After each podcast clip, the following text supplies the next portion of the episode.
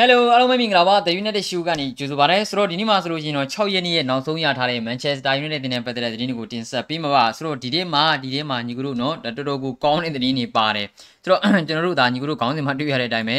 ဂလီဇာမိသားစုက United အသင်းရဲ့ share တွေကိုရောင်းချနေပြီအဲ့ဒီအကြောင်းအရာတွေနဲ့ပတ်သက်ပြီးတော့ကျွန်တော်ကောင်းကောင်းကြီးပြောသွားခြင်းနော်အဲ့ဒီအကြောင်းအရာပြီးလို့ရှိရင် Manchester United တင်ဘက်က Uligana Solskjaer ကိုထုတ်ပယ်ဖို့ဘယ်လုံးမှမစဉ်းစားထားခြင်းမရှိဘူးလုံးဝနီးနီးလေးမှတော့မရှိဘူးလို့ကျွန်တော်တို့သိရတယ်ဆိုတော့ဒီအကြောင်းအရာလေးကျွန်တော်ပြောသွားခြင်းနဲ့ဒါအပြင်ဘောနော် Manchester United တင်ကကျွန်တော်တို့ဒါ Leicester နဲ့ပွဲစဉ်မှာအသင်းရဲ့အဓိကကစားမနှစ်ယောက်ကိုကျွန်တော်တို့နော်ဒီဘောပါရွေးချယ်လို့ရမှာမဟုတ်ဘူးအဓိကကစားမနှစ်ယောက်က Leicester နဲ့ပွဲစဉ်မှာပါနိုင်မှာမဟုတ်ဘူးဆိုတဲ့အကြောင်းနဲ့ United အသင်းအနေနဲ့ပေါ့ပါလားဒူနီဘန်တပိတ်လား ဆိုတာကိုပြည့်ပက်တတ်တာရွေးချယ်ရမယ်အချိန်ရောက်ပြီဆိုတော့ဒီအကြောင်းအရာလေးကိုကျွန်တော်ပြောသွားခြင်းနဲ့တော်တော်လေးကိုစိတ်ဝင်စားဖို့ကောင်းတယ်ဆိုတော့နော်အကောင်းဆုံးသတင်းနဲ့ရင်စားလိုက်ရှင်းရလို့ရှိရင်ကျွန်တော်တို့ကဂလီဇာပေါ့နော်ဆိုတော့အားလုံးသိတဲ့အတိုင်းပဲကျွန်တော်တို့ဒီဂလီဇာကိုကျွန်တော်တို့တွေတော်တော်ကိုနော်မကြိုက်ဘူးဗျာဘာလို့လဲဆိုတော့အတင်းအောင်မြင်မှုကိုဘယ်တော့မှရှိလိမ့်မထားဘူးဗျာသိတယ်မလားအောင်မြင်မှုဆိုတာတဲ့သူတို့ဒီကလပ်အသင်းနဲ့ပတ်သက်လို့တခြားစီးပွားရေးတွေဘာလို့လို့ရမလဲဒီကလပ်အသင်းရဲ့ image နဲ့ရလာတဲ့ငွေတွေကိုဘယ်လိုသူတို့အိတ်ကက်တွေထည့်ရမလဲဒါမျိုးတွေပဲ တည်တယ်မလားသူတို့ဒါမှုရီကိုပဲလုံးဝစိတ်ထဲမှာရှိနေရဆိုတော့ပရိသတ်တွေကဒီဂလီဇာကိုမကြိုက်ရဘူးလုံးဝနော်ဆိုင်လက်ဖောက်ကူတန်ထွက်ခွာသွားတော့ပူတော်ဆူးသေးတယ်ဆိုင်လက်ဖောက်ကူတန်လည်းထွက်ခွာသွားတဲ့လုတ်ပိုင်ခွင့်အားလုံးကနီးပြထံမှာမရှိတော့ဘူးနော်ကျွန်တော် CEO ဖြစ်တဲ့ Edward ထံမှာ Edward ကလည်းအပြည့်ဝလုတ်ပိုင်ခွင့်ရလားဆိုတော့မရဘူးသူ့အနေနဲ့အထက်ကိုတင်ပြရတာတွေရှိတယ်ဂလီဇာတို့ထံဆိုတော့သူတို့ဂလီဇာတို့မကြိုက်လို့ရှိရင်လုတ်ခွင့်မရဘူးအရင်တုန်းကဆိုင်လက်ရှိတုန်းကဆိုင်လက်ကဗျာအားလုံးကိုဦးစီးထားတာဗျာဆိုတော့အားလုံးကအဆင်ပြေတယ်ဒါပေမဲ့လက်ရှိကျွန်တော်တို့ရဲ့ silence ကြီးထွက်ခွာသွားပြီးနောက်မှာကလပ်တင်းက စုဖလားဆိုတာကြီးကြီးကျယ်ကျယ်ကျွန်တော်တို့လုံးဝရခြင်းမရှိတော့ဘူးเนาะဆိုတော့ပြည်တွင်းဖလားဆိုလို့ရှိရင်အဝေးကြီးဗျာဟိုနီးပြပြောင်းလိုက်ဒီနီးပြပြောင်းလိုက်ပြီးလို့ရှိရင်ကလပ်တင်ရဲ့ဘက်က investment တွေကလည်းလုံးဝကောင်းကောင်းမွန်မွန်မရှိကလပ်တင်ရဲ့အောင်မြင်မှုကလည်းလုံးဝအောင်မြင်မှုရဖို့အတွက်ရင်းနှီးမြှုပ်နှံတာတွေအရန်အရန်အင်အားအားနေတယ်ဗျာပြီးလို့ရှိရင်စီမံခန့်ခွဲမှုအမှားကြီးတွေနဲ့ကျွန်တော်တို့တွေလုံးဝအသင်းကိုမြင်နေရတာအခုချိန်ထိပဲဆိုတော့ကလပ်တင်ရဲ့ဘက်ကဂလီဇာကိုလက်ရှိမှာလဲရှယ်ယာတွေရောင်းလိုက်ပြီညီကတို့တတိထားမိလားမသိဘူးကျွန်တော်တို့ အပြောင်းရွှေ့ပြီးခဲ့တဲ့အနေတွေကလုံးဝတခြားကစားမတွေရောက်မလာခင်ကအသင်းရဲ့ဘက်ကရှယ်ယာ8%ကိုရောင်းချတယ်အသင်းရဲ့ပိုင်ဆိုင်မှုရှယ်ယာ8%ကိုဂလီဇာမိသားစုကရောင်းချတယ်အဲ့ဒါကကျွန်တော်တို့ဒီနောက်ထပ်အမေအဲ့ဒီယာကိုဝယ်သွားတာကအဲ့ဒီတုန်းကနောက်ထပ်အမေရိကန်စီးပွားရေးလုံးဝအမေရိကန်စီးပွားရေးပညာရှင်တယောက်လုံးဝအမေရိကန် business သမားတယောက်ကထပ်ပြီးတော့ဝယ်သွားတာလို့ကျွန်တော်တို့သိရတယ်အဲ့ဒီ8%ကိုဆိုတော့လက်ရှိမှာ Manchester United တင်ရဲ့ဒီ owner တွေဖြစ်တဲ့ပေါ့နော် Glazer တို့ကထပ်ပြီးတော့ရောင်းချလဲပြန်ပြီ ရောင်းချလဲပြန်ပြီဆိုတာကဗျာ okay ဒီအော်တိုဘာလ10ရက်နေ့ထိလာဝယ်ရမယ်နော်အဲ့ဒီတော့ဒီမှာရမယ်အဲ့ဒီပေါ့ဒီလာဝယ်တဲ့သူတွေအားလုံးကိုရောင်းချမှာဆိုတော့နော်ကလပ်တင်ရဲ့ဘက်ကဒီလိုမျိုးထပ်ပြီးတော့ share တွေရောင်းချနေပြန်ပြီဒါဟာ invitation ကိုကောင်းနေတဲ့တင်ဒါပေမဲ့ဗျာလုံးဝအကုန်လုံးကလပ်တင်ကြီးကိုရောင်းချလိုက်တာမဟုတ်ဘူး share ကြီးဖြည်းဖြည်းချင်းဖြည်းဖြည်းချင်းရောင်းချနေတာကိုကြည့်ရင်ဒီကောင်တွေဘာကြံနေတာလဲပေါ့ နော်ဒီကောင်တွေဘာလုပ်နေရလဲပေါ့သိတယ်မလားဒါကိုကျွန်တော်တို့သိရမှာဗျာဆိုတော့ဒါပေမဲ့အဲ့ဒီအကြောင်းအရာကိုကျွန်တော်နော်ခဏလေးပြကျွန်တော်တေချာလေးဖပြမယ်ဆိုတော့ဒါကဘာလဲဆိုတော့ Manchester United အသင်းရဲ့နော်ဒီ Director နှစ်ယောက်ဖြစ်တဲ့ကျွန်တော် Kevin Glazer ရဲ့ Edward Glazer ရဲ့ကျွန်တော်၃ယောက်ရှိတယ်ဗျာသိတယ်မလားသူတို့ရဲ့ wide ဒီ Glazer ကြီးမရှိတော့တဲ့အခါမှာကျွန်တော် Joel Glazer ရဲ့ Kevin Glazer ရဲ့ Edward Glazer ရဲ့ဆိုပြီးတော့အဓိက main ၃ယောက်ရှိတယ်ဒီ Joel Glazer ကကျတော့ဒါ chairman ထင်တယ်ဗျာနော်သူကပြီးလို့ရှိရင်ခုလက်ရှိက director တွေနော်ဆိုတော့ Kevin Glazer နဲ့ Edward Glazer တို့ကကျွန်တော်တို့တနင်္လာအင်္ဂါနေ့ညနေခင်းမှာ New York Stock Exchange မှာတင် Manchester United အသင်းရဲ့ share တွေကိုရောင်းချမှာဖြစ်တယ်ဆိုပြီးတော့လုံးဝပို့ပေးထားတဲ့အခုလက်ရှိချိန်ထိပဲเนาะဆိုတော့ share ပေါင်းဘယ်လောက်ရောင်းမလဲဆိုတော့ Manchester United အသင်းဘက်ကเนาะပိုင်ဆိုင်ထားတဲ့ share ပေါင်း9.5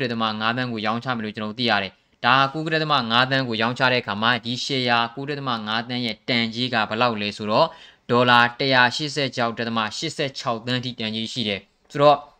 ပေါင်အားဖြင့်ဆိုလို့ချင်းတော့ဗျာ139.12သန်းပေါ့တန်140ပဲထားပါတော့ဗျာဒီလောက်ထိကျွန်တော်တို့တန်ကြီးရှိတဲ့ share တွေကိုရောင်းချမှာဖြစ်တယ်ဒါဟာ Kevin Glazer နဲ့ Edward Glazer ရဲ့ director နှစ်ယောက်ရဲ့ပေါ့နော်ဒီပေါ့ဒီ notifying ကနေလာတဲ့ဟာ ဒါပြီဆိုတော့ဆိုတော့ကလပ်တင်းရဲ့ဘက်ကဒီရောင်းလို့ရတဲ့ဒီဘောနော်ဒီဘောတန်း140 139တက်မှ12တန်းလုံးက Manchester United ရဲ့လေပတ်တဲ့ငွေတွေကိုပြန်ရောက်မှာမဟုတ်ဘူးဂျူဝဲဂလီဇာတို့ဂလီဇာမိသားစုရဲ့အိတ်ကက်တွေကိုတိုက်ရိုက်ရောက်မှာဆိုတော့ကလပ်တင်းရဲ့ဘက်က9.5 million နော်ဒီဘော share ပေါင်းရောင်းချမယ်အဲ့ဒီရောင်းချရတဲ့တန်ကြီးကတန်း140အဲ့ဒီတန်း140တော့ငွေတွေဒီ Manchester United တင်ထံကိုလုံးဝရောက်လာမှာမဟုတ်ဘူးတပြားတစ်ချက်မှရောက်မှာမဟုတ်ဘူးဂလီဇာမိသားစုထံပဲလုံးဝအကုန်သွားမှာ ဆိုတော့ဒါကတော့ဗျာသူတို့ကပိုင်ရှင်ဆိုတော့သူတို့လှုပ်ချင်အောင်လုပ်နေကြမှာပဲသိတယ်မလားနော်ဆိုတော့လက်ရှိမှာ share တွေကိုဒီဖြည်းဖြည်းချင်းရောင်းချလာကတော်တော်ကိုပျော်စရာပဲပြည်သက်တွေအတွက်ကျွန်တော်ဒီဒီပိုင်ရှင်တွေကိုမလိုချင်ဘူးဗျာသိတယ်မလားဆိုတော့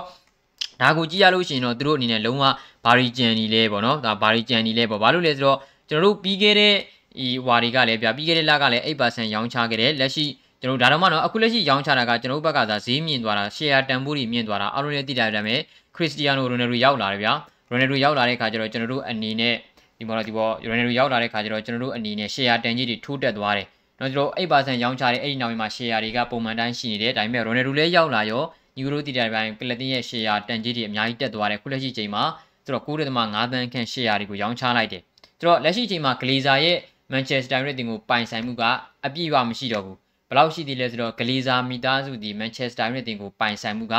69ရာခိုင်နှုန်းပဲရှိတော့တယ်။ကျန်တဲ့31ရာခိုင်နှုန်းကတော့တချို့ဝယ်တဲ့သူတွေကဝယ်သွားပြီ။ဒါပေမဲ့လက်ရှိရောင်းချမဲ့9.5သန်းသော share အစုစုတွေကိုတော့ကျွန်တော်တို့လာမယ့်အောက်တိုဘာလ10ရက်နေ့ထိနောက်ဆုံးထားရောင်းမယ်လို့ကျွန်တော်သိရတယ်။အဲ့ဒီနောက်ဆုံးထားရောင်းမဲ့အောက်တိုဘာလ10ရက်နေ့မတိုင်ခင်မှာတခြားသောဒါ businessman တွေကနော်လာပြီးတော့ဝယ်ကြမှာပေါ့ဗျာ။ချိတ်ချ Manchester United တင်ရဲ့နော် share တွေနော်မရောင်းမထွက်မှာတော့မပူနဲ့အမလီဝယ်ကြမှာဆိုတော့ဒါကိုကြီးကြီးအပြင်ပြည်သက်တွေသူပြောထားခဲ့တဲ့ຢာတွေကိုကျွန်တော်တို့ဒီပေါ့ဒီညီကိုတို့ဒါသတိထားမိမှာပါ။ ဗါလဲဆိုတော့ပြီးခဲ့တဲ့ဒီဟွာတွေကကျွန်တော်တို့ဒီ UFA UFA တဲ့ကျွန်တော်တို့စူပါလိတ်ဗျာတည်တယ်မလား။စူပါလိတ်တုန်းကပြဿနာတွေဖြစ်ပြီးမှသူတို့ပြောခဲ့တာရှိတယ်ပြောနော်။ကလတင်ရဲ့ပိုင်ရှင်တွေအဖြစ်နော်ရှယ်ယာပိုင်ရှင်တွေအဖြစ်ပြည်သက်တွေကိုလည်းခံစား권ရစေမယ်။ဒါဗါလဲဆိုတော့လုံးဝဒီကလတင်ကသူတို့လက်ရှိကလေးစားပိုင်တဲ့တွေကနေပြီးတော့ရှယ်ယာတစုတမျှကိုပြည်သက်တွေအတွက်ရောင်းချပြီးမှဆိုတော့ပြည်သက်တွေအားလုံးအနေနဲ့ကြိုက်တဲ့သူဝယ်လို့ရတယ်ဆိုတဲ့သဘောပဲဆိုတော့ဘယ်လောက်ပါဆန်ရှိမှလဲဗျအလုံးစုံပြီးမှ10%ပေါ့သူတို့က share အများဆုံးသူကလုံးဝဒီပေါ့နော်100% အပြည့်အဝလုံးပိုင်အာဏာရှိရဆိုတဲ့ကသူတို့ဘယ်ပြီးမလဲသိတယ်မလားစကားအဖြစ်ပေါ့ဗျာပြည်သက်တွေဝယ်လို့ရှိရင်တော့မှပြည်သက်တွေကတန်းနဲ့ချီပြီးတော့ဗျာပြည်သက်အယောက်ပေါင်းတန်းနဲ့ချီပြီးတော့ဝယ်ကြမှာပဲသူတို့စီကလူတွေကနော်အဲ့လိုဝယ်ကြမှာပဲဆိုတဲ့ခါဒီမှာဒါစကားတက်တက်လို့လို့ကျွန်တော်တို့ထင်နေဗျာအမှန်တကယ်လုတ်ပင်ရင်တော့မှသူတို့ကဘယ် share တွေအားလုံးကိုဘလို့ပြည်သက်တွေကိုရောင်းချမလဲသူတို့တွေကပိုင်ခြင်းလို့သူတို့တွေလုံးဝဒီ club နဲ့ပတ်သက်ပြီးတော့နော်စီးပွားရေးရှာခြင်းလို့မှဒီ club ကြီးကိုသူတို့ဝယ်ထားတာ သိရမလားဆိုတော့သူတို့စိတ်ချပြည်သက်တွေကိုလုံးဝအပြည့်အဝရောင်းချမှာမဟုတ်ဘူးမှာဗျာသူတို့လောလောဆယ်မှာ69ရာခိုင်နှုန်းပိုင်နေဆိုလို့ချင်းအေးရော့10%တော့ရောင်းချမယ်ကွာဟုတ်တယ်မလား10%ရောင်းချမယ်သူတို့က59ရာခိုင်နှုန်းပိုင်နေတယ်ကျန်တဲ့31ရာခိုင်နှုန်းကတခြားပိုင်ရှင်တွေစီမှာဆိုတော့သူတို့ကလုံးဝပိုပဲသူတို့ကပဲကင်တွေထားအောင်မှာသိတယ်မလားလောလောဆယ်မှာတော့ပြည်သက်တွေဝယ်ခွင့်လုံးဝမရှိသေးဘူးလုံးဝအခုလက်ရှိရှိတာကကျတော့ဘာလဲဆိုတော့ကျွန်တော်တို့အနေနဲ့နော်ပေါင်တန်း140နီးပါးသော share တွေကိုရောင်းချမယ်အော်တိုဘာလ10ရက်နေ့ထိနော်ဆိုတော့ဘယ်သူတွေဝယ်မလဲတော့ကျွန်တော်ကြည့်ရမယ်ဗျာပြီးခဲ့တဲ့ခုနကပြောသလိုပဲပြီးခဲ့တဲ့ နေ့တွေကကျွန်တော်တို့ဒါအပြောင်းရွှေ့ရာသီတွေဟိုမလို့ခင်ကကျွန်တော်8%သူတို့ရောင်းချခဲ့တယ်သူတို့တိတဲ့အတိုင်းပဲသိတယ်မလား8%ရောင်းချတော့အမေရိကန်စီးပွားရေးပညာရှင်ကထက်ဝယ်တယ်ဆိုတော့အမေရိကန်တွေတော့တိတ်မယုံဘူးဗျသူတို့ကအမေရိကန်တွေကလုံးဝသူတို့ဟိုဖြစ်တာကဒီသူတို့ရဲ့အမေရိကန်အမေရိကန်ဖုတ်ဘောပဲဗျာသိရမလားလက်ရှိစော်ကာမဟုတ်ဘူးဆိုတော့လက်ရှိမှာเนาะဆိုတော့ဒီဘောအဲ့လိုမျိုးဆိုတဲ့ခါကျတော့ကျွန်တော်တို့เนาะတခြားပိုင်ရှင်တွေကဘယ်လိုရောက်လာမလဲတော့မသိသေးဘူးတေချာတာကတော့လောလောဆယ်မှာဂလီဇာရဲ့ပိုင်ဆိုင်မှုကဂလီဇာရဲ့မန်ချက်စတာယူနိုက်တက်ကိုပိုင်နေပိုင်ဆိုင်မှုကတဖြည်းဖြည်းချင်းရောကျလာပြီเนาะတဖြည်းဖြည်းချင်းရောကျလာပြီ သူတို့လက်ရှိသူတို့ရဲ့ပိုင်ဆိုင်မှုဒီ69ရာခိုင်နှုန်းပဲရှိတော့တယ်နော်ဆိုတဲ့ခါလေးကျတော့ကျွန်တော်တို့ရှေ့ဆက်ဘာတွေဖြစ်မလဲကျွန်တော်ကြည့်ရမှာပါနော်လုံးဝ100%ကြီးရောင်းချမယ်လို့ကျွန်တော်တို့မထင်ဘူးအေးငါတို့တော့ဟေး United တင်ကိုရောင်းပြီးတော့ United ကြီးကိုရောင်းပြီးတော့တခြားစီးပွားရေးပဲထက်လုပ်တော့မယ်ဆိုတဲ့ပုံစံမျိုးတွေကျွန်တော်တို့မမြင်ဘူးတကယ်ပါနော်ဆိုတော့လက်ရှိမှာဘာပဲပြောပြောလက်ရှိလိုလိုစင်မှာဆိုလို့ရှိရင်တော့ကျွန်တော်တို့ဘာတွေဆက်ဖြစ်မလဲအဒီကျွန်တော်တို့ဗျာအမှန်တမ်းပြောလို့ရှိရင်လုံးဝအကုန်ရောင်းချစေခြင်းတယ် ဒါပေမဲ့သူတို့ United ကိုဝယ်ပြီးကြတဲ့ကသူတို့သူတို့ United ကိုဝယ်တော့ကအကျွေးနဲ့အကျွေးတွေရှိရဲကျွန်တော် Manchester United မှာအကျွေးတွေရှိရဲ2005လားမသိဘူးအဲ့ဒီတုန်းကသူတို့ဝယ်လိုက်တယ်ကျွန်တော်တို့ဒီမနော်အကျွေးတွေရှိတယ်အကျွေးရှိရတဲ့သူတို့ကဝယ်တာအကျွေးရှိရတဲ့ဝယ်ပြီးတော့သူတို့အနေနဲ့ဒါသုံးစိတ်တွေကိုကျွန်တော်တို့ Manchester United တင်ရဲ့လဲပတ်ငွေတွေကပဲသူတို့သုံးတာနော်ကျွန်တော်ဟိုဟိုတခါကကျွန်တော်လွန်ခဲ့တဲ့နှစ်ကလာမျိုးကျွန်တော်ပြောပြပူပါတယ်အဲ့ဒီကိစ္စတွေနဲ့ပတ်သက်ပြီးတော့နော်ကျွန်တော်တို့ဒါကလပ်တင်ရဲ့နှစ်တစ်နှစ်စာအတွက်သူတို့ financial report တွေပြတဲ့အခါမှာကျွန်တော်ညီကိုတို့ကိုတင်ဆက်ပေးနေကြပဲနော် ဆိုတော့အဲ့လိုမျိုးဆိုတော့ဗျာပြောချင်တာကကျွန်တော်တဖြည်းဖြည်းချင်းနဲ့တော့ဂရေစာရဲ့ပိုင်ဆိုင်မှုကညော်နေလာပြီဒါပေမဲ့သူတို့ဘာတွေကြံနေလဲဆိုတာကျွန်တော်မသိရဘူးသိတယ်မလားဆိုတော့နော်ဒါဝမ်းသာစရာပါကျွန်တော်ပြည်သက်တွေတော့တတဖြည်းဖြည်းချင်းဝမ်းသာဒါဟာသူတို့က69ရာခိုင်နှုန်းထိပိုင်ဆိုင်သေးတယ်လေငါတို့ဘလို့ဘာလို့လို့ရမှာလဲတခြားသူကတော့ဘလို့ဘာလို့လို့ရမှာလဲဆိုတာမှန်တယ်သို့တော့တဖြည်းဖြည်းချင်းတော့ကျွန်တော်တို့ဒါအဆင်ပြေလာပြီဗျာနော်ရောင်းချလိုက်တနည်းရောင်းချလိုက်မယ်လို့ကျွန်တော်တို့မျှော်လင့်နေပေါ့နော်ဒါပေမဲ့သူတို့ကတော့ရောင်းမယ်လို့တော့မထင်ဘူးနော်အခုလည်း share ဈေးတက်နေလို့မဲ့သူတို့ရောင်းတာလား အော်ဘာတော့မသိဘူးပေါ့ဗျာသိရမလားဆိုတော့အဲ့ပါဒါကတော့လက်ရှိမှာเนาะကျွန်တော်တို့အနေနဲ့ MNK ကိုဒါဂျူရဲ့ကလီဇာမီသားစုကကလပ်တင်းเนาะဒီရောင်းချတာပါဆိုတော့ဒါ share ရောင်းချတာ9.5 million share ပေါင်းရောင်းချတယ်အဲ့ဒီရဲ့ရောင်းရငွေဒီတန်ကြီးဒီဒေါ်လာ186.86 186 186.86တန်းပေါင်139.12တန်းပေါ့နော်အတိအကျအဲ့ငွေဒီအားလုံးရောင်းချရတယ်ဆိုလို့ရှိရင်ဂလီဇာမီသားစုထံသွားမှာပါမန်ချက်စတာယူနိုက်တက်တပြားတစ်ချက်မှရောက်လာမှာမဟုတ်ပါဘူးเนาะဆိုတော့ တသိန်းလုံးကိုတဲ့ခါပီနဲ့ CR7 ဝင်နိုင်ကောင်းမယ်နဲ့ဘယ်ဝင်နိုင်မလဲရိုနယ်ဒိုရဲ့လက်ရှိပိုင်ဆိုင်မှုက1ဘီလီယံပဲရှိတယ်ကျွန်တော်မန်ချက်စတာယူနိုက်တက်ရဲ့ပိုင်ဆိုင်မှုက4ဘီလီယံတန်ကြီးက4ဘီလီယံရှိတယ်နော်4ဘီလီယံရှိတယ်ဆိုတော့နော်ခါပီတို့ဘာလို့ဆိုတာကဗျာဘီလီယံဒီဘောအရန်ကြီးအရန်ကြီးသူတို့ကအတင်းလိုက်လုံးဝဝင်နိုင်တဲ့ထဲမှာမရှိဘူးဗျာကော်နာမက်ဂရီဂေါ်တို့ဘာလို့ကဟိုတခါညီကတို့သတင်းကြားမှုမှာပါသိတယ်မလားမက်ဂရီဂေါ်ကဝယ်မယ်ပါညာဝယ်လဲရှယ်ရပဲဝယ်နိုင်လဲရှယ်ရပဲအတင်းကြီးကိုနော်4 4ဘီလီယံတန်ကြီးရှိတဲ့အသင်းကြီးကိုလုံးဝအသင်းလိုက်ကြီးဝယ်ဖို့ဆိုတာကတော့ ဘလို့မှသူတို့အတွက်မလွယ်ဘူးဆိုတော့အားဖြစ်ဖြစ်ပါလောလောဆယ်မှာဆိုလို့ကျွန်တော်ဒါကလပ်တင်းရဲ့ဘက်ကတဖြည်းဖြည်းချင်းရှယ်ယာတွေရောကြလာတာအသင်းပိုင်ဆိုင်မှုရှယ်ယာတွေရောကြလာတော့ဝမ်းသာစရာပေါ့ဗျာနော်ဆိုတော့โอเคပါဆိုတော့မန်ယူကတဲ့အများပိုင်ဖြစ်တော့မယ်တင်တယ်ကိုကြီးတဲ့အများပိုင်ဖြစ်တော့မယ်ဆိုတော့လေကျွန်တော်ကတော့အများပိုင်ဖြစ်တော့မယ်ဆိုတော့အများပိုင်ဖြစ်ရင်တော့ပိုကောင်းတာပေါ့ဗျာဒါပေမဲ့ကျွန်တော်ပြောချင်တာကကျွန်တော်လက်ရှိလောလောဆယ်မှာဥမာဗျာ9.5 million တန်ကြီးရှိတဲ့ဒီ share ပေါင်းကျွန်တော်ရောင်းချလိုက်ပြီဆိုတော့9.5 million တန်ကြီးရှိတာမဟုတ်9.5 million share ပေါင်းရောင်းချလိုက်ပြီအဲ့ဒီပိုင်ရှင်ကထက်ဝယ်တယ်နောက်ထပ်ထက်ရောင်းကြမယ်အဲ့ဒီပိုင်ရှင်ကပဲထက်ဝယ်မယ်ဆိုလို့ရှင်တော့ ဒါဟာလုံးဝအကောင်းဆုံးပဲသိတယ်မလားအရင်တစ်ခါကဒီဘောတယောက်တယောက်တည်းဝယ်သွားတာ8%ကတော့နော်ဘယ်သူလဲတော့နာမည်တော့အတိအကျကျွန်တော်တို့ဒီအဲ့ဒီကမဖက်လိုက်ရဘူးဆိုတော့အဲဂလီဇာတဲ့မြင်မြင်ကြောင်းမှာစီးတဲ့စူးကြကိုဖြုတ်စီခြင်းမျိုးကိုကြီးတဲ့တော်လေးစစ်ပြနေပြီလူကောင်းတွေများနေတာကိုသုံးမပြတဲ့ဘူးတဲ့ဟုတ်ကဲ့ပါအဲစူတော့ဆိုတော့ဘောလုံးကိုတဲ့မြန်တို့သူလက်ထဲပဲရောက်စီခြင်းပါတယ်တဲ့ဟုတ်ကဲ့ပါဆိုတော့ RS software တွေကတဲ့မန်ယူကိုဝယ်ချင်းနေတာပဲတင်း ဘယ်တင်းတိုးတက်လာမယ်မျှော်လင့်မိဩသူဝယ်ရင်တိုးတက်လာမယ်လို့မျှော်လင့်မိတယ်ဟုတ်ကဲ့ပါဆိုတော့ RD ကတော့ဗျာတိတဲ့တိုင်းပဲချမ်းသာတဲ့သူကများတာဆိုတော့အဲမယ်လို့စင်မှာ RD ကတခြားတကယ်အတင်းကြီးတွေကိုပိုင်ဆိုင်နေပြီဗျာ United ကိုတကယ်ဝယ်ပါမလားပဲကျွန်တော်ခက်တာကဗျာဟိုဘယ်လိုလဲဆိုတော့ခက်တာကကျွန်တော်တို့ကလပ်တင်းတွေကဒီလုံးဝသူတို့ကအပြည့်အဝရောင်းချတာမဟုတ်ဘူးအေးနော်မန်ချက်စတာရဲ့အတင်းကြီးကိုရောင်းချတော့မယ်ဆိုလို့ရှိရင်တော့စိတ်ချအဲ့မှာလာလိမ့်မယ် RD နော်တောက်လျှောက်လာလိမ့်မယ်ဒါပေမဲ့ခက်တာက ကလပ်တင်းရဲ့လက်ရှိကလေးစားကအဲ့လိုရောင်းမှမဖြည်းဖြည်းချင်းလေးဖဲ့ရောင်းနေတာဗျသိရမလားဆိုတော့အဲโอเคပါဆိုတော့ဒါကတော့ကျွန်တော်တို့အနေနဲ့ဝမ်းသာစရာတတိနေကတစ်ခုပေါ့ဗျာအပြည့်အဝမဟုတ်သေးတော့ပဲလေဒါအနေချင်းရောင်းချတာပေါ့ဗျာဆိုတော့ထားပါအဲနောက်တစ်ခုကိုကျွန်တော်ဆက်လက်ကြည့်ရမယ်ဆိုလို့ချင်းတော့နောက်တစ်ခုက Manchester United အသင်းရဲ့ဘုတ်ဖွဲ့ဝင်တွေကလေးစားမိသားစုတွေကလုံးဝဥလီဂနာဆိုကြကိုထုတ်ပယ်ဖို့မရှိဘူးဆိုပြီးတော့ကျွန်တော်တို့ထပ်ပြီးတော့သတင်းတက်လာတယ်ဒါဟာကျွန်တော်တို့အနေနဲ့သိလို့ချင်းကြာကျွန်တော်ပြီးပြီးခဲ့တဲ့နေ့တွေကကျွန်တော်အမြဲတမ်းပြောနေကြပဲချို့ညီကူတွေကကျွန်တော်ကို Messenger မှာ အဲဒီတော့ page messenger မှာလာမေးကြတယ်ဟိုကျွန်တော်ဒီပေါ့ဟိုဗာလဲဆိုတော့ဟို Uligana ဆွေးကြကိုမထုတ်သေးဘူးလားဟိုဘသူကိုမထုတ်သေးဘူးလားဘာညာဆိုပြီးတော့တင်းနေတက်လာတယ်အဲ့တော့ကျွန်မဆိုလို့ရှိရင်တော့ဘလို့မှနီးပြဖြစ်သူ Uligana ဆွေးရှားကိုထုတ်ဖို့ကအခြေအနေမရှိဘူး။နော်ဆိုတော့ဒါကတော့ The Sun Report လို့ပြောလို့ရှိရင် Norwegian journalist တွေထံကနေပြီးတော့ကျွန်တော်တို့သိရတာ။နော်ဆိုတော့နီးပြဖြစ်တဲ့ Uligana ဆွေးရှားအနေနဲ့ဆိုတော့ PR တွေကတော့တဖြည်းဖြည်းများလာတာမှန်တယ်။သို့တော့အလုပ်ပြုတ်လောက်အောင်ဒီတော့ PR မများသေးဘူး။ နော် PR တွေကတဖြည်းဖြည်းများလာတယ်အလုပ်ပြောလောက်အောင်ဒီတော့ PR မများသေးဘူးအဲအက်စတိုမီလာကိုရှုံးနေအေဗာတန်ကိုတည်ကြတယ်ဆိုတော့ပြည်တွင်းမှာကောင်းတဲ့အချက်တော့မဟုတ်ဘူးတောက်လျှောက်အသင်းကြီးတွေနဲ့ခက်ခဲတဲ့အသင်းတွေနဲ့ကြီးပဲဇလိုက်တွေးတော့မယ်ဆိုတဲ့အခါကျတော့ဗောနော်ကလပ်အသင်းရဲ့ဘက်ကဘလူးမန်တွေလည်းကူကူဖြတ်တန်းမှုမရှိဘူးအဲ့ဒီခါကြလို့ရှိရင်တော့ထပ်ပြီးတော့ဘလူးချီနီတွေပြောင်းလဲလာမယ်ကျွန်တော်သိရမယ်လောလောဆယ်နေထားကြဆိုရှာကိုဘလူးနီးနဲ့မှကျွန်တော်ကလပ်တင်ဘက်ကထုတ်ဖို့မရှိဘူးလို့ကျွန်တော်သိရတယ်နော်ဆိုတော့တချို့ညီကိုတွေကဗောနော် ပြောလာကြတယ်ဗျာစူးကြကိုထုတ်တော့မေးကြတယ်ဘာညာနဲ့စိတ်ချညီကတို့ကိုကျွန်တော်မနေ့ကပြောသလိုပဲစူးကြကိုထုတ်မယ်ဆိုလို့ချင်းတည်င်းပေါင်းစုံနေရာဌာနပေါင်းစုံကတင်လိုက်မယ်အဲ့လိုတည်င်းအမှန်ကန်ထွက်လာရင်ရောစင်မှာမှာနော်ဘယ်ကမှကျွန်တော်ကောင်းကောင်းကြားထားခြင်းမရှိသေးပါဘူးနော်ကျွန်တော်ကျွန်တော်ကိုယ်တိုင်လည်းပဲညီကတို့ကိုပြောပြီးသားပဲပြောထားဘူးတယ်လောလောဆယ်နေထားမှာလာမယ့်နေ့ဒီမပြောဘူးနော်လောလောဆယ်နေထားမှာစူးကြကိုထုတ်ဖို့ဘလို့မှမရှိဘူးဘာလို့လဲပြီးခဲ့တဲ့နေရာဒီပြောင်းရှုကတရန်တူလိုက်တယ် okay အဲ့ဒီတော့ကဒီရာဒီဒီရတဲ့လေမရသေးဘူးလေဟုတ်တယ်ထားတော့ okay ဆိုတော့ my villain ကိုတရန်တူလိုက်တယ် my villain ကိုတန်းတူလိုက်တယ် my villain ဆိုတာ united တင်ရဲ့ကွင်းလင်ကစားမှာဟော my villain ကိုတန်းတူလိုက်တယ်ဆိုတော့ Michael Carrick နဲ့ Kieran McKenna ကိုလည်းတက်တန်းတူပြီးတဲ့နေ့တွေကညှိနှိုင်းနေတယ်ဆိုတော့လာမယ့်နေ့ဒီမှာတူတော့မယ်ဆိုတဲ့သဘောပဲဆိုတော့ social နဲ့သူ့ရဲ့အဖွဲ့ဝင်တွေကိုယုံကြည်ထားတယ်ဆိုတဲ့သဘောပဲဗျာပြောချင်တာကသိတယ်မလားဆိုတော့ကျွန်တော်ဆက်လက်စောင့်ကြည့်ရမှာကျွန်တော်တို့အနေနဲ့ကစားမကထွက်ချင်ပြီမဲ့အတင်းကခွင့်မပြုရင်ထွက်လို့မရဘူးအာအတင်းကခွင့်မပြုရင်နဲ့ထွက်လို့မရဘူးမလားတဲ့အတင်းကခွင့်မပြုရင်ဆိုရတယ်ဗျာကစားမကထွက်ချင်ပြီဒါကတော့စာချုပ်တရန်ရှိနေသေးလားဥမာလောလောဆယ်ပို့ပါရဲ့အနေထားကျွန်တော်စာချုပ်တရန်မရှိမမလုပ်လို့မရအောင် ကစားမကကျွန်တော်တို့နဲ့တရန်ရှိနေသေးတယ်အသင်းကနေပြီးတော့ကစားမကထွက်ကျင်တယ်ကျွန်တော်တို့ကမယောင်းချင်ဘူးဆိုလို့ကျွန်တော်ရတယ်လေကြည့်တယ်မလားဆိုတော့ဒါကတော့သူတို့ရဲ့စာချုပ်ချုပ်တဲ့ထဲမှာဒါ agreement နေထဲမှာဘလို့ဒီ date တွေပါလဲဆိုတာကအများကြီးမူတည်တယ်ဗျာအကျန်းဖြင်းကတော့ဗျာကိုနော်စာချုပ်တရန်နဲ့ရှိသေးတယ်အသင်းကလည်းမယောင်းချင်ဘူးကစားမကထွက်ချင်နေပါစေစိတ်ချမင်းစာချုပ်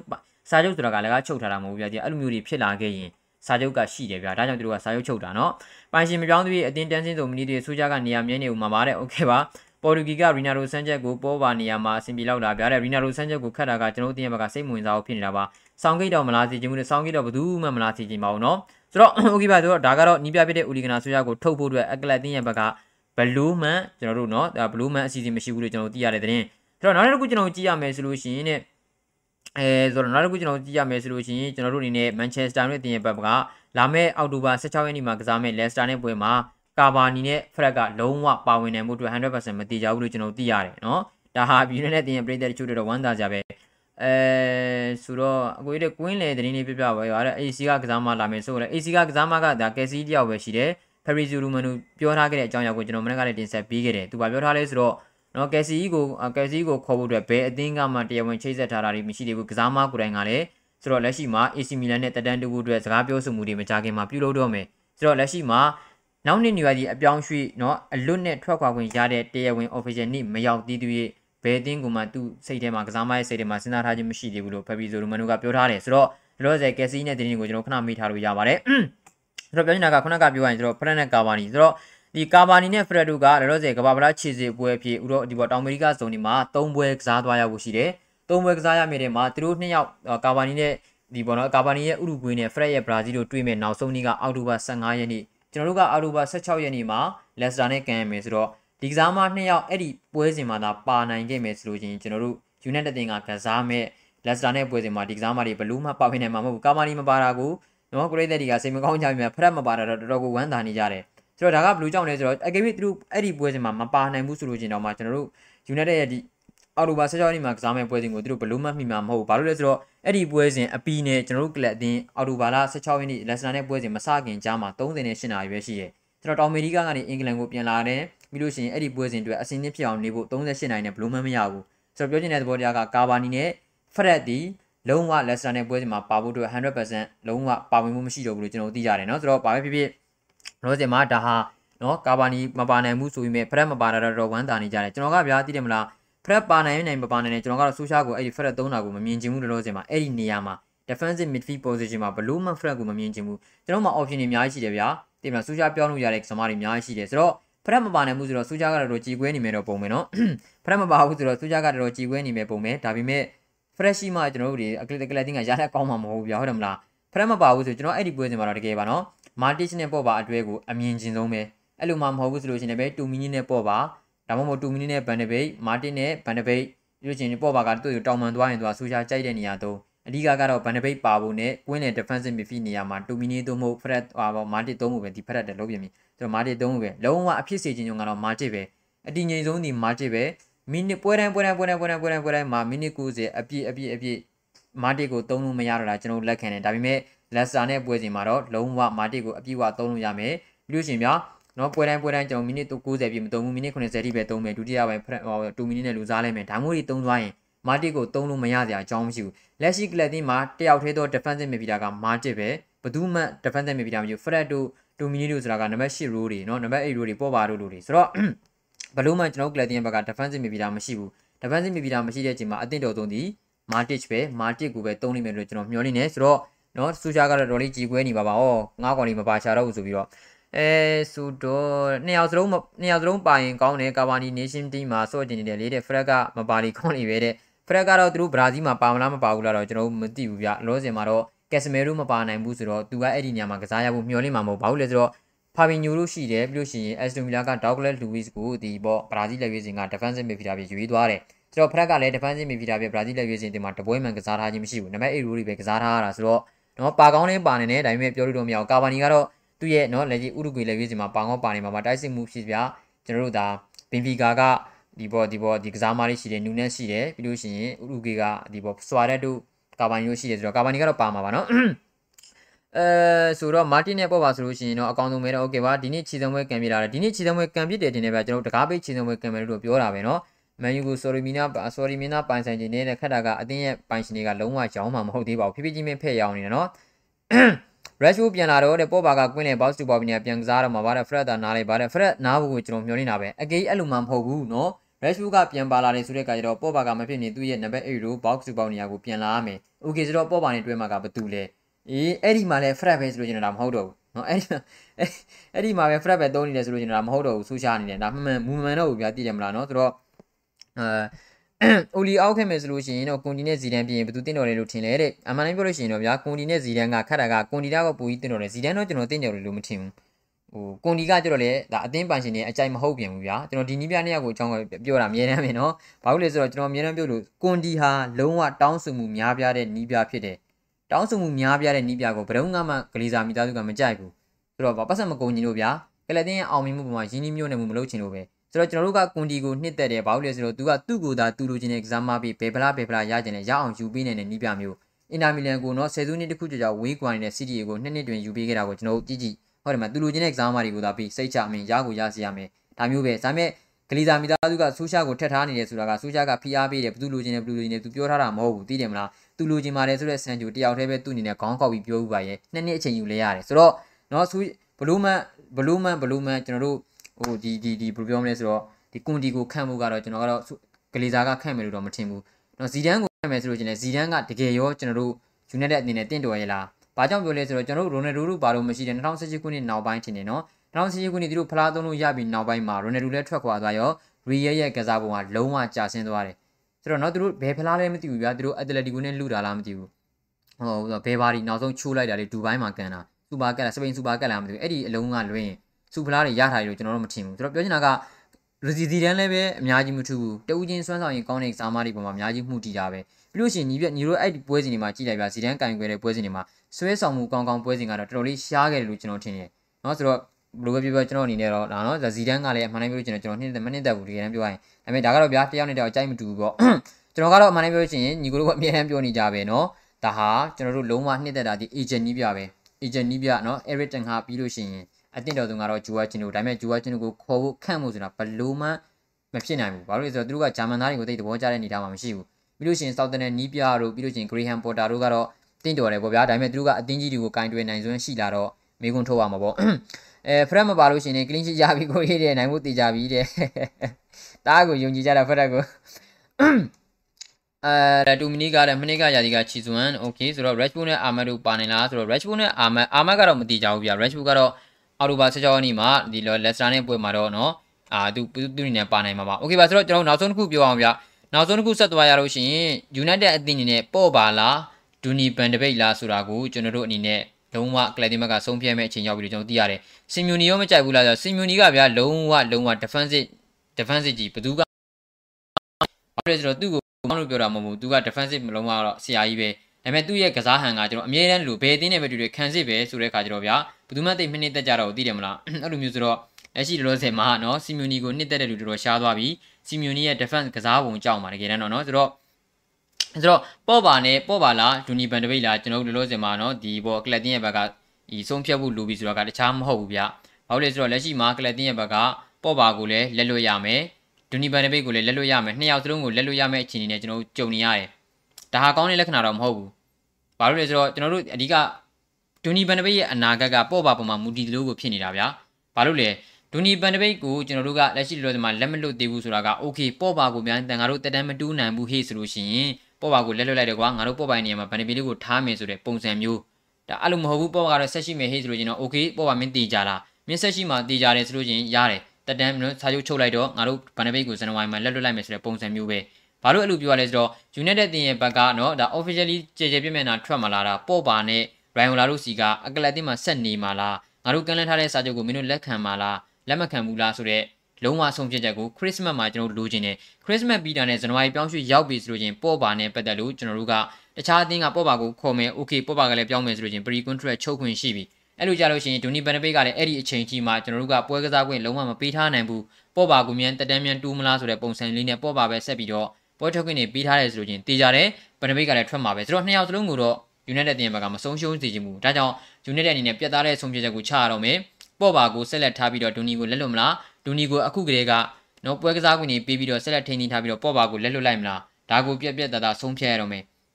နော်ဒါကြောင့်လေ United တင်တကယ်တော့ United တင်ဘက်ကပေါ့ပါကိုပို့ပြီးတော့နှစ်သက်တာဒါကြောင့်သူတို့ကနော်စောစောစီးစီးဆိုလို့သူတို့ contract ကန်လန်းထားတယ်အဲ့ဒီ contract ကလည်းလောစမှာရှိနေတော့မယ် ရိုင်ဝလာကလည်းအကြောင်းမပြန်နေဘူးပေါ့ပါကလည်းအကြောင်းမပြန်နေဘူးဒါပေမဲ့အဲ့လိုမျိုးအကြောင်းမပြန်မဲ့အချိန်ဆွဲနေတာကို United ဘက်ကအဆင်မပြေတော့ဘူးမင်းတို့ Christmas မှာတော့ပြက်ပြက်တသားဆုံးဖြတ်ချက်ကိုပြောမင်းတို့ပြောပြီးပြီဆိုတာနဲ့ငါတို့ကဒီဘက်မှာစီစဉ်ရစီစဉ်ရရှိတာစီစဉ်ရမှာဆိုတော့အဲ့ဒီ Christmas မတိုင်ခင်မှာပို့ပါရေးဘက်ကငါတော့မနေချင်တော့ဘူးကလပ်တင်ကနေထွက်တော့မယ်လက်ရှိရလာတွေကမကောင်းဘူးဆိုလို့ချင်း okay တေးကြပြီအဲ့ဒါဆိုလို့ချင်းတော့မင်းကိုငါတို့ဒါလက်လွတ်လိုက်တော့မယ်ပြောချင်တာကကျွန်တော်တို့အဲ့ဒီချိန်ကြလို့ရှိရင်ပို့ပါကိုကိုပွဲထုတ်ကနေပေးမှာမဟုတ်တော့ဘူး ဗန်ဒပိတ်ကိုစသုံးတော့မယ်ဒီလိုမျိုးပုံစံကိုဖြစ်နေတဲ့သဘောပဲဗျာကြည့်ချင်တော့လားညီကိုတို့ကခြုံကြည့်ရလို့ရှိရင်ဆိုတော့ဒါကြောင့်ကျွန်တော်တို့ကလပ်တင်နေနဲ့လုံးဝလုံးဝလုံးဝပြက်ပြက်တသားဆုံးဖြတ်ဖို့လိုပြီဗန်ဒပိတ်ကိုဆက်ထားမလားပေါ့ပါကိုဆက်ထားမလားဘသူကိုဆက်ထားခြင်းလဲဘသူကိုဆက်ထားတင်လဲနော်ဒါမှမဟုတ်ကိုကျွန်တော်သိဖို့လိုတယ်ပေါ့ပါရဲ့ဘက်ကဘာမှပြက်ပြက်တသားမပြောသေးတာကအခက်ခဲတုံးပြနော်ဆိုတော့ကျွန်တော်အနေနဲ့ကြည့်ရမှာပါဘသူကိုကလပ်တင်ဘက်ကဆက်ထားမလဲဆိုတော့နော် နောက်ကြပြီလားဆိုတော့လောဆယ်မှာကျွန်တော်ကနောက်ဆုံးသတင်းကိုတင်ဆက်ပေးပြီးသွားပါပြီခဏနေလို့ချင်းကျွန်တော် comment လေးတွေဒါဖတ်ပြီးလို့ချင်းကျွန်တော်အနေနဲ့တိမ့်ပါမယ်ဆိုတော့လောဆယ်မှာတော့ညီတို့ဒါဒီဗီဒီယိုကိုပြီးလို့ချင်းပြန်ကြည့်လို့ရပါတယ်ကိစ္စမရှိပါဘူးကျွန်တော်မဖြတ်ပါဘူးเนาะ ဒီတစ်ပတ်တော့တဲ့လီပွဲတွေမရှိတော့မလောင်းရတော့ဘူးကိုလိုကြီးတဲ့အမြဲကိုလိုအင်းကလောင်းပြီးကြည်နေရတာတဲ့ကာပါနီမပါနေတော့စိတ်မကောင်းပြရတဲ့ဘဘကဖရက်ကတော့မပါလေကောင်းနေပဲတဲ့နော်လူတိုင်းမှာပဲဘန်နဘိတ်က sorry ဘန်နဘိတ်ကအာဆီယံမှာပို့ပြီးတော့ခြေသွမ်းပြတယ်ပေါ့ပါလေ433မှာဘရူနိုနဲ့ဘန်နဘိတ်တွဲသွင်းစင်ပြေလောက်တယ်တဲ့ပေါ်ထွက်လဲပေါ့နော် ဘရူနိုနဲ့ဘရူနိုနဲ့ဘန်နဘိတ်ဒါတွဲသုံးလို့ရှိရင်စင်ပြေလောက်တယ်ဟုတ်ကဲ့ပါအဲဆိုတော့ okay ဆိုတော့ဒီပွဲဒီလပွဲစားရင်ကစားကွက်ပြောင်းကစားမှာတည်ကြလားတဲ့ဒီလာပွဲဆိုင်ကစားကွက်ပြောင်းကစားမှာတည်ကြလားဆိုတော့မတည်ကြဘူးကျွန်တော်တော့တည်ကြတယ်လို့ကျွန်တော်မထင်ဘူးဖရက်မပါလို့ကျွန်တော်တို့ပြောင်းလဲသွားတာမြင်ကောင်းမြင်ရနိုင်တယ်ဒါပေမဲ့သူယုံကြည်တဲ့ဟိုကျွန်တော်မရက်ပြန်ကြလို့ရှိရင်ပဲဖြစ်ဖြစ်တပတ်ခါကြလို့ရှိရင်ပဲဖြစ်ဖြစ်ကျွန်တော်တို့ကလတင်ဆိုးရှားလက်ရှိဒီယာဒီမှာပွဲထွက်နိုင်တဲ့နော်ပွဲထွက်ခွင့်ပုံပွဲထွက်လူစီနေနဲ့ပတ်သက်ပြီးတော့ကျွန်တော်ပြောသွားခြင်းတယ် နော်ဆိုတော့ဒါကြားတဲ့နေကင်းမှာပဲတင်သွားပြီးဖြစ်မယ်ထင်ပါတယ်မနက်ကင်းလည်းမဟုတ်ဘူးညနေကင်းလည်းဖြစ်ဖို့မရှိဘူးနော်ဆိုတော့ဒါကကြားသတင်းဆိုတော့ကျွန်တော်မနေ့ပြန်မယ်ဖြစ်ဖြစ်တပတ်ခါပဲဖြစ်ဖြစ်တည့်ရက်ပေါ့နော်ကျွန်တော်တီချာလေးကြည့်ပြီးတော့ကျွန်တော်တင်ပေးပါမယ်ဘာလို့လဲဆိုတော့ကျွန်တော်တို့ Clatin မှာ unit နဲ့လက်ရှိ DR ဒီမှာ social သုံးနိုင်တဲ့အခြေအနေ၃မျိုးရှိတယ်ဗျာဒါသူ friend နဲ့ matu mini ပေါ်မူတည်ပြီးတော့သူဟိုဒီနေ့ကပြောစကားအရာကြည့်ရင်ဘာကြောင့်သူတို့ပြောခဲ့တာလဲဘာကြောင့်သူဆက်ပြီးတော့သုံးနေရလဲကျွန်တော်အဲ့ဒါလေးကိုပြောသွားခြင်းနော်အဲဆိုတော့ အဲပော့ပါကိုတဲ့မသုံးမဲ့ဗန်ဒဘိတ်ကိုသုံးကြည့်ပါတဲ့ပော့ပါကိုအဲဆိုတော့ဒီပေါ်ဆက်ဖတ်မရတော့ဘူးကိုမော်တဲ့ဟိုကမန်တီကက်ရှ်က crossing ကောင်းနေပြဟာမန်တီကက်ရှ်ကကောင်းသလားမင်းနဲ့ကျွန်တော် AB လာနော်အဲ AB လာနော်မန်တီကက်ရှ်ကကောင်းသလားမင်းနဲ့အဲ့ဒီမန်တီကက်ရှ်နဲ့ဒီဘက်ကမန်တာဂက်ရဲ့အတွေ့ကတော်တော်ဟုတ်ကောင်းတာ okay ဆိုတော့အဲအစမပြေဘူးတဲ့ပော့ပါတရန်တူကိုတွေ့ရမယ်တဲ့ okay ပါ okay ပါနော်ဆိုတော့အဲပော့ပါကိုမသုံးမဲ့ဆိုတော့ဒီအခုရဲ့ဒီဟိုကကိုမော်ရဲ့ဖောင်ကဖတ်မရလို့ပါဗျာအားနာပါတယ် ဖရက်မပါဘူးပြောတယ်โอเคပါဗန်နဘိတ်ကိုဇန်နဝါရီပွဲမတိုင်ခင်ပွဲထုတ်ခွင့်ပေးရင်အတင်းကမထွက်တော့ဘူးမလားတဲ့မထွက်တော့ဘူးကျွန်တော်တို့ဇန်နဝါရီမတိုင်ခင်မှာဗန်ဒဘိတ်ကိုလက်ရှိလာမယ့်ပွဲစဉ်တွေကစပြီးတော့အထိုက်တန်ဆုံးပွဲထုတ်ခွင့်ပေးမယ်ဆိုရင်စိတ်ချဗန်ဒဘိတ်ထွက်မှာမဟုတ်တော့ဘူးဒါကြောင့်ကလပ်တင်းရဲ့ဘက်ကနော်ဒီပေါ်ဒီပေါ့ပါချီကနေပြီးတော့ပြတ်သားတဲ့ဆုံးဖြတ်ချက်ကိုလိုချင်တာမင်းထွက်မှတည်ကြရင်ငါတို့ထွက်မဲ့တူတူတော့ကွာမင်းပေါ်မှာမမူကြည့်တော့ဘူးနောက်ထပ်အရင်သိရှိတဲ့ကစားမကိုပဲအချိန်ပေးတော့မှာဒါမျိုး အကိမဟုတ်ဘူးမင်းထွက်မယ်โอเคပေါ့မဟုတ်မင်းကလပ်တင်းမှာဆက်နေမယ်တည်ကြလားတည်ကြတယ်ဆိုလို့ချင်းโอเคစာချုပ်ငါတို့ကန်လန်းထားတယ်ချုပ်လိုက်တော့စာချုပ်ချုပ်ပြီးပြီဆိုတာနဲ့ကျွန်တော်တို့ဘန်ဒဘိတ်ကိုဇန်နဝါရီမှာလက်လွတ်မယ်ဘန်ဒဘိတ်ကလည်းပွဲထုတ်ခွင့်မှမရတာဗျာဇန်နဝါရီမှာထွက်ကိုထွက်မယ်ဆိုတဲ့သဘောပဲဆိုတော့နှစ်ယောက်လုံးကိုလည်းကျွန်တော်တို့ကလက်မလွတ်ဟိုဘယ်လိုလက်မလွတ်ချင်ဘူးတယောက်ကိုလည်းလက်လွတ်မှရမယ်ဆိုတော့ပေါ့ပါရဲ့ဆုံးဖြတ်ချက်ကဘန်ဒဘိတ်ရဲ့အနာဂတ်ကိုမူတည်နေလို့ပဲเนาะလက်ရှိအခြေအနေရပြောတာပေါ့เนาะကျွန်တော်အမြင်လက်ရှိအခြေအနေရဆိုတော့ကလပ်တင်ရဲ့ဘက်ကဘယ်လိုမျိုးတွေဖြစ်လာမလဲကျွန်တော်ကြည့်ရမှာပါ အာ magnet frag ကတဲ့ CVD pressure မိနေရင်ဘောလုံးဆင်းမိဘူးအဲ့ဒါဆိုရတာဟုတ်ကဲ့ကျွန်တော်တို့နော်တဲ့အဲ့ဒီအကြောင်းအရာတွေကိုကျွန်တော်တို့ဒါနော်နောက်ရက်ဒီမှာကျွန်တော်ပြောကြပါမယ်ဆိုတော့ဗီဒီယိုတီးတန်လေးညီကိုတို့ကိုလုပ်ပေးနေတာဆိုတော့ okay ပါနော်ထားပါဆိုတော့တို့ဒီမှာကြည့်ရှုနေတဲ့ညီကိုတွေဒါ400နီးပါးရှိပါတယ်ကြည့်ရှုအားပေးနေကြတဲ့ညီကိုတွေတယောက်ချင်းစီတိုင်းကိုကျေးဇူးအများကြီးတင်ပါတယ်ဆိုတော့နော်ကျေးဇူးပြုပြီးတော့ဒါဗီဒီယိုလေးကိုလည်း like လို့လေးနှိပ်ပြီးတော့တောင်းဆိုပါတယ်ဆိုတော့မနက်ပြန်မှကျွန်တော်တို့ဆက်လက်တွေ့ကြပါမယ်ဒီနေ့ညကျွန်တော်တို့စပိန်နဲ့အီတလီပွဲကို watch လောင်လုံးတင်လာတော့ကျွန်တော်မသိဘူးပြ nation league ဆိုတော့တချို့ညီကိုတွေကစိတ်ဝင်စားဘူး တချို့ညီကိုတွေကကျတော့ nation league မှန်ပေမဲ့ nation league မှန်ပေမဲ့အသင်းကြီးတွေဆိုတဲ့အခါကျတော့စိတ်ဝင်စားတယ်လုံးတင်လားမလုံးတင်လားတော့ကျွန်တော်တော့မသိဘူးเนาะကျွန်တော်ခဏနေမှဒါညီကိုတို့ရဲ့ comment တွေကိုပြန်ကြည့်မှာပါအဲ့ဒီကြမှာတကယ်အဲ့ပွဲစဉ်ကိုကြည့်မဲ့ညီကိုတွေရှိတယ်ဆိုလို့ကျွန်တော်လောက်တာကကောင်းတယ် nation league ကစီမီဖိုင်နယ်ဖြစ်တဲ့အတွက်ပေါ့နော်ချူညီကိုတွေကကျတော့တဲ့သဘောမကျဆိုတော့ကျွန်တော်ဆက်လက်ကြည့်ပါမယ်တကယ်ပြန်ကျွန်တော်တို့တွေလုံးတင်လားမလုံးတင်ဘူးလားကျွန်တော်ကြည့်ကြမှာပါโอเคပါဆိုတော့ကျွန်တော်တို့အနေနဲ့နောက်ရက်ဒီမှာဆက်လက်တွေ့ကြပါမယ်ကြည့်ရှုအားပေးခဲ့တဲ့ညီကိုများအားလုံးကိုလည်းကျေးဇူးများကြီးတင်ပါတယ်ဆိုတော့ဂလီစာမီသားစုတဖြည်းဖြည်းချင်း United အသင်းကို နော်ပိုင်ဆိုင်မှုတွေရောကြလာကအင်မတန်ကိုဝမ်းသာကြပါဆိုတော့ကျွန်တော်တို့ဆက်လက်ကြည့်ရပါမယ်ဆိုတော့နောက်ရက်ဒီမှာဆက်လက်ကြပြပါမယ်အားလုံးကိုကျေးဇူးများတင်ပါတယ်